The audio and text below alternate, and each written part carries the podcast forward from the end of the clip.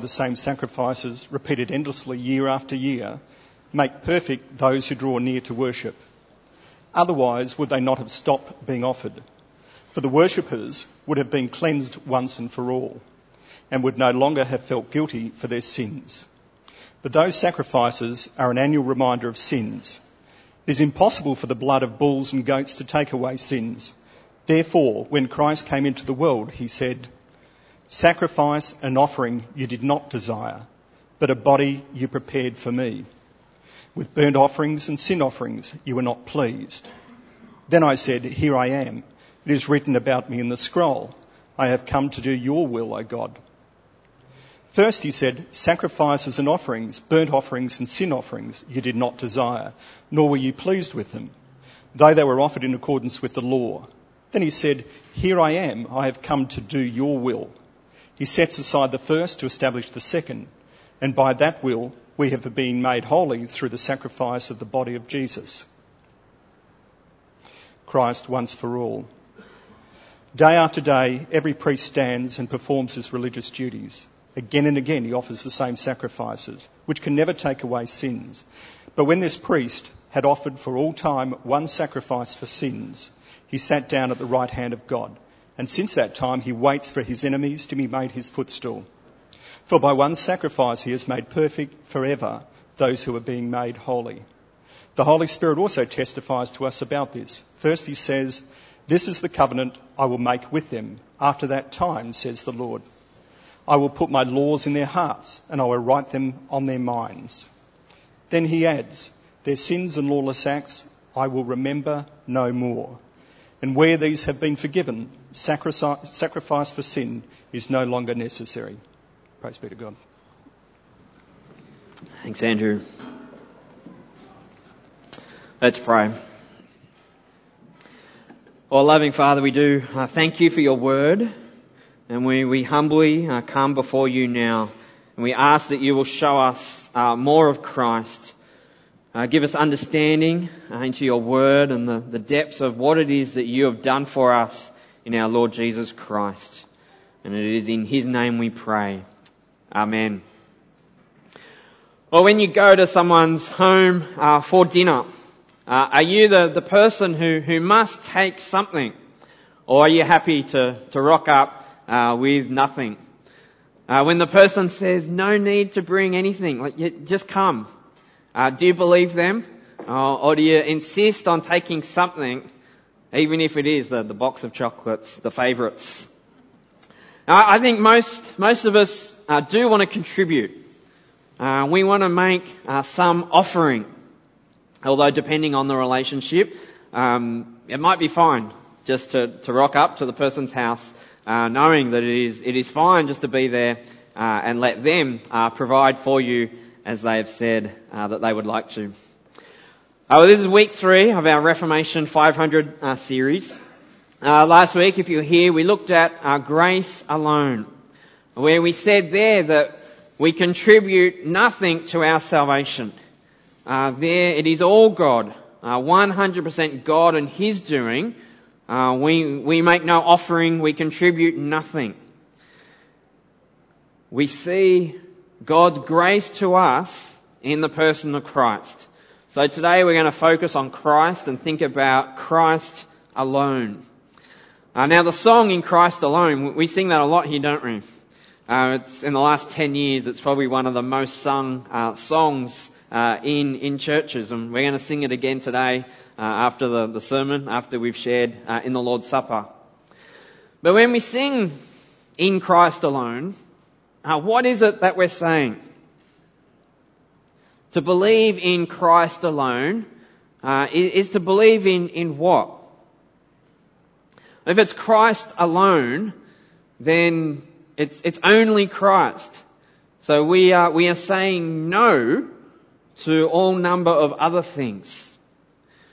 Which makes this message, as Edwin said, uh, an offensive message to some. Because we are saying that it is only by Christ. Uh, he read the, the verse from Acts 4, uh, verse 12, where it says, By no other name can you have salvation other than the name of Jesus. uh, that, that is controversial. But I, I want to say when we understand that it is only by Christ alone, then, then it becomes one of the most liberating messages rather than offensive messages.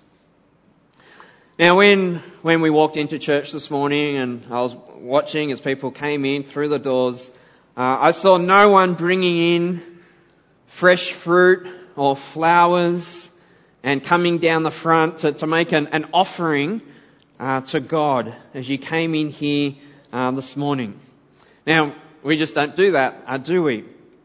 Uh, but over the last few years, um, I've had the, the privilege of, of travelling around a little bit of Southeast Asia uh, and visited a number of temples. And for there, it is very common as people come into the temples to bring an offering uh, that they can present um, and bring down the front to some shrine that is set up uh, to their God. So you'll see, um, yeah, one one such uh, example of that uh, here, and one more as well. Oh, that's very dark. Um, but there is there is a person down the front there, and uh, often these temples are, are quite dark, and you can't see it, but he's actually holding up a, a candle, some, some incense, and then on the table uh, in front of this God, uh, there, there is uh, fruit uh, that different people have brought in. Now, some might do it um, as an act of worship, um, or it might be done in order to receive favour uh, from the gods, uh, that their offering would would be uh, acceptable uh, to the gods, uh, and then you might receive blessing by your your God. And offerings, they're, they're biblical, aren't they? Um, bringing offerings to God, offerings that are acceptable to Him, uh, to atone uh, for sin. Um, read the, the, book of Leviticus, and that's a book, isn't it, that is full of instructions of bringing a, sacrifice, an offering uh, to to God, uh, to the priest who will offer it to the Lord on your behalf. So you can see um, here you have a priest He'll act as a mediator, a go-between between God and the people. See, because God is a holy God. Uh, but the people, they're sinful. So the priest acts as a go-between. You bring your offering to him, and then he, on your behalf, can present it uh, before the Lord. So sin is dealt with. It's atoned for. And then there are some other offerings as well, not to do with sin, but out of uh, thanksgiving and devotion uh, to the Lord, uh, or maybe a giving of first fruits. And the reason is, is because God is holy. Uh, he is, He's apart from us and this world. Uh, he is perfectly good and He is holy. Uh, 1 Timothy 6, 16 says that he lives in unapproachable light. This is our God. He is so great and beyond us that we, we can't just know Him because of sin. Sin is a barrier. Uh, so these offerings, these sacrifices uh, would help uh, people to be able to uh, engage with God uh, in some way. And the priest uh, could bridge that gap between the people's sin and the holiness of God. And then once a year, the high priest, he would come in and enter the most holy place. Just once a year in the heart of the temple. And there he would offer uh, a special sacrifice, uh, which would atone for all the sins of the people. So that's, that's the Old Testament. And in, in many churches today, uh, it is still not uncommon uh, for churches today to continue some of these practices uh, which, which we, we see in the Old Testament, uh, where the priest uh, today uh, is still acting as some form of a mediator between God and the people, where, where offerings are made. Now, religions and, and churches uh, have, have all sorts of ways uh, where we can be uh, acceptable uh, to God, making it, it, possible to in, in some way to be able to, to approach God or to be right uh, with God. Uh, whether it's to do with priests uh, or offerings, uh, the Mass, uh, praying to the saints, or other different, different people, are ways that can help us connect with God. But then when we come to the gospel, and this is both the offense and the liberating message of the gospel, we see in the gospel that none of those things are needed. Because it is by Christ alone that we come to God to receive His grace. Right? It is Christ alone who takes our sin, uh, who makes us holy, so that we can know the, the holy God. Right? It is Christ alone. And if it's Christ alone, then that means it is not Christ and priests and rituals and religion. It means it's not by the sacrifice of the Mass uh, or any works or gifts that we might offer uh, to God. And I know that some will find that offensive. Uh, some won't like me saying that. Um, but I truly believe this, this is the message of the scriptures, of the gospel, uh, and it is good news when we see what Christ has done and that all these other things that, me, that we might like to do to earn God's favour and to get His grace are actually not needed. And when we see that, that's very freeing. It's liberating. Uh, because we come to see that, that Christ, Jesus Christ, He has done it all for us. He is our priest. He is the one priest that we all need. He is the, the one mediator, the one who stands before Almighty God and us uh, to bridge that gap for us. And He can do it because He is sinless. Uh, he has come from God. And He is man. Uh, Paul says this, uh, the apostle Paul in 1 uh, Timothy 2. He says, For there is one God and one mediator between God and people, the man Christ Jesus. Right? It's by Christ alone that we can know God, the Holy God. It is by Christ the Son who makes the Father known to us. And it is Christ alone uh, who takes our sin uh, upon himself. Uh, now, just a few moments ago, we read from Hebrews 10. Uh, so I want us to, to, have a look at this passage. So if you've, if you've closed your Bibles, open them up again to Hebrews 10 or open up the, the app on your phone uh, so that you can see uh, what it is that Christ has done. Uh, two things I want us to see. Uh, the first will be in verses 11 to 14. We're not going to work through the whole passage. Uh, verses 11 and 14, we see there that Christ has done it all. Now verse, verse 11 says this, uh, day after day, every priest stands and performs his religious duties. Again and again he offers the same sacrifices, which can never take away sins. But when this priest, talking about Christ Jesus, when this priest had offered for all time one sacrifice for sins, he sat down at the right hand of God. Now in those two verses, there, are a number of contrasts uh, that are going on. So I don't know if you, if you pick them up. Uh, firstly, we have the priests. And what is it that they do? Day after day, again and again, they keep performing uh, their religious duties uh, they keep offering the sacrifices. And it is just endless. Because people keep sinning. So people have to keep bringing their offerings, their sacrifices to God. And it just goes on and on and on. It's endless. But not only is it endless, it also says that it's, it's ineffective. It says that these sacrifices can't really take away sins. It said that earlier on in the passage as well. Back in verse 4 it says, it is impossible for the blood of bulls and goats to take away sins. But then contrast that with Christ Jesus.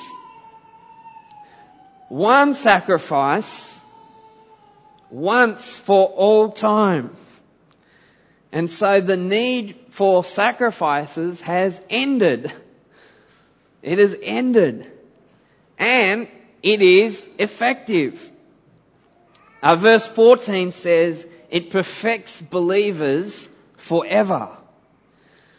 So even though as believers we will still sin and struggle with sin, what Christ has done, His sacrifice perfects believers forever.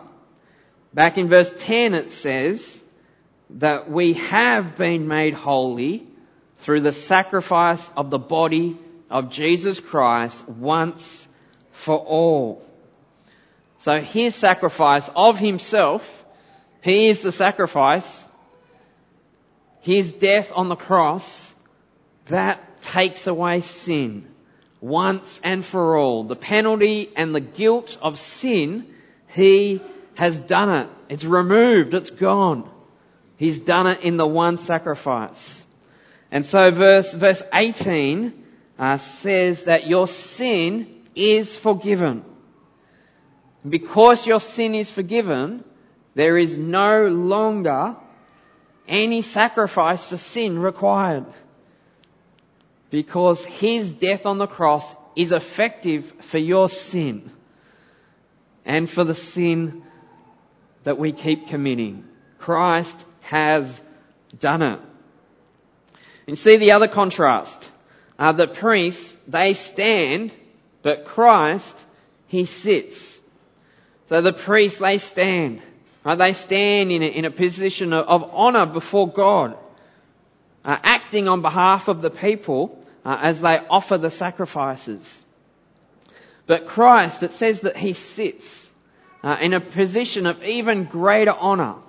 Uh, he sits at the right hand of the Father. And He sits, His work is done. He's done it on the cross. The penalty for sin, he's, he's dealt with it on the cross. So he, he sits. He doesn't need to keep offering sacrifices. Uh, his work is done. Uh, he can continue to intercede for us, and he does that at the Father's right hand. You might have heard, heard the line uh, before that asks, uh, what's the difference between religion and Christianity? Uh, religion is do. Christianity is done. Right? Religion is what we do to win God's favour. But Christianity is done. Jesus has done it. Uh, Christ has done it. I've got a, a friend, he says, Jesus done it. He says it might be bad English, but boy is it good theology. Jesus done it. And it's true. On the cross, Jesus has done it. And that's what we mean by Christ alone. Jesus done it all. He, he's done it all. He has paid for our sin. And of course, He's done it. It means that we don't need to be offering things to God or making a sacrifice in order to win His favour. We will seek to do good, but that comes as a result of being saved and having received His grace. So if we believe in Christ alone, then that means we won't believe in Christ plus our good works, our offerings to earn salvation. Or Christ plus the priest are acting on our behalf because Christ is our priest who has acted uh, and continues to intercede for us. And it means there's no need to pray to Mary uh, or other uh, saints uh, because we have Christ Jesus. And that means that, that He gives us, He gives you direct access to God the Father. So you don't need to go through other people because we have Christ. Christ alone brings us to God the Father. And so do you see how that, that's a liberating message? When we see what Christ has done and what we don't need to do to try to win God's favour. So to believe in Christ alone, that means uh, we can have confidence. We can have assurance of salvation because Christ has already done it. It's not dependent on you. It's not dependent on me or some other person who's going to act on your behalf. It's all Christ and what He has done. It's not the rituals and taking part in them. Now you might have heard uh, the question before. Uh, would you be certain if you died tonight that you would be with God, that you would go to heaven? Would you be certain? Because you can. All of us can be certain that by having faith in Jesus, then you can be sure. If you've got Christ Jesus, then you can be sure. Or if you were to stand before Jesus tonight and he asks you, uh, why should I let you into my kingdom? Uh, what would you say? How, how are most people going to answer that question? Uh, most people are probably going to reflect on themselves and, and talk about, well, I'm, I've been a pretty good person. I haven't done that much wrong. But how good do you have to be when it comes to God? Alright, it's, it's not our good works. It is all Christ and what He's done. Which brings us to, to our second point uh, from Hebrews 10. Uh, Christ brings us straight to God. Uh, now we didn't read it before, but we're going to go on uh, from uh, from verse uh, 19. therefore, brothers and sisters, since we have confidence to enter the holy places by the blood of Jesus, by the new and living way that He opened for us through the curtain. Alright, it goes on, I'll just pause there. Alright, everyone is still sitting down. No one has fallen off their seat. Right? What that says there in verse 19, right, that is truly extraordinary. Right, we, we can be so used to this that we, we can miss just, just how extraordinary what is written there, how extraordinary that is. Right, we just read that by believing in Christ alone, that, that you can have confidence to, to enter the, the most holy places. Right? The most holy place. You can come into to the very presence of God. The holy God. The one who lives in unapproachable light. You can have confidence to do that.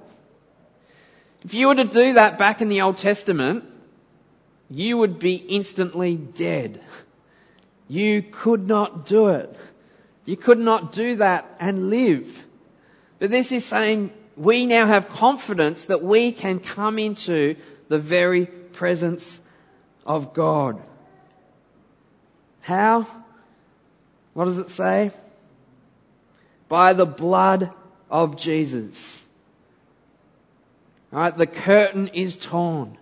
The way has been opened up uh, for all people, not just Jews, um, but for, for us Gentiles, for people of all nations to be able to know the holy God.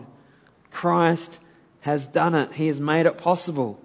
And He brings us straight to God. He alone brings us to God. And believing this, uh, there's there's three implications that this passage goes on uh, to speak about. Three three responses. Uh, so the the first is in uh, verse uh, 22. So we can we can have confidence to draw near to God in faith. Uh, so I read verse 19 and then 22. therefore, brothers and sisters, since we have confidence to enter the most holy place by the blood of Jesus. Verse 22. Let us, let us do what? Let us draw near with a true heart in full assurance of faith. Right? Through Christ, you can now draw near to God by faith. Now may we do that every day. May you love drawing near to God. And may you know that you can do that all because of Christ. Well, the second response uh, is in the next verse, verse, verse 23. Uh, we are to hold fast to our hope, the Lord Jesus Christ. Verse 23, let us, let us do what? Let us hold fast the confession of our hope without wavering, for he who promised is faithful. Right? Never let go of Christ Jesus. The hope that you have in Christ, never let go. And thirdly, we are to stir one another up. Stir one another up to love and good deeds as we meet and encourage one another. Uh, verse 24 and 25. Let us consider how to stir up one another to love and good works, not neglecting to meet together as, as is the habit of some, but encouraging one another, and all the more as you see the day approaching. Now, isn't that a, great image? Uh, stir one another up. Sort of picture there, you've got a, a mixing bowl, you're, you're, stirring it up. As we meet together, we, we just stir one another up to love and good deeds. Do that, encourage each other, and do it more and more as the day approaches. So there's, there's three implications from, from this passage, three responses. And did you notice something that ties them all together? Now, what, what is it that holds these three things together? Faith, hope, and love. Draw near to God in faith. Hold fast to the hope in Jesus and stir up one another to love. Faith, hope, and love. Faith in Christ, hope in Christ, and a love in response to the love of Christ for us. So may we be people of Christ. Uh, may we be people of faith, hope, and love. And may we, may we rejoice uh, that Christ has done it and Christ brings us into direct access to God the Father. He has done it. Nothing we do. He does it all. He opens up the way uh, for us. Now, I think that is just the best news ever. But I know for so many people that it is not a popular message to say Christ alone, to say no to all these other ways of, of coming to God, um, or all these other so-called gods, other faiths, other religions. Uh, you can see how this is a offensive message to many to say that it is Christ alone. Right? It's not popular today to, to say today that it is Christ alone. But it wasn't popular in the first century either. But when we come to see the truth of these words, then I think we come to see that it is the best news. Not just for us, but for all people. It truly is the best news that they can come to God through Christ alone. Let me pray. Our Heavenly Father, we want to we want to thank you so much for your Son, that you sent him into this world. And we thank you for what he has done, the life he lived. We thank you that he went to the cross. And there on the cross, he has taken the, the sin, uh, the judgment uh, that is rightfully ours. And Father, because of that, we are forgiven. Uh, we are made holy. Uh, you look at us now and you've made us holy so that we can know you. You've removed the sin. So we just thank you. We rejoice.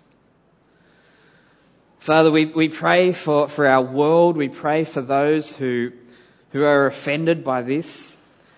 And we ask that you would work in them, that they would, would see the, the good news that it is.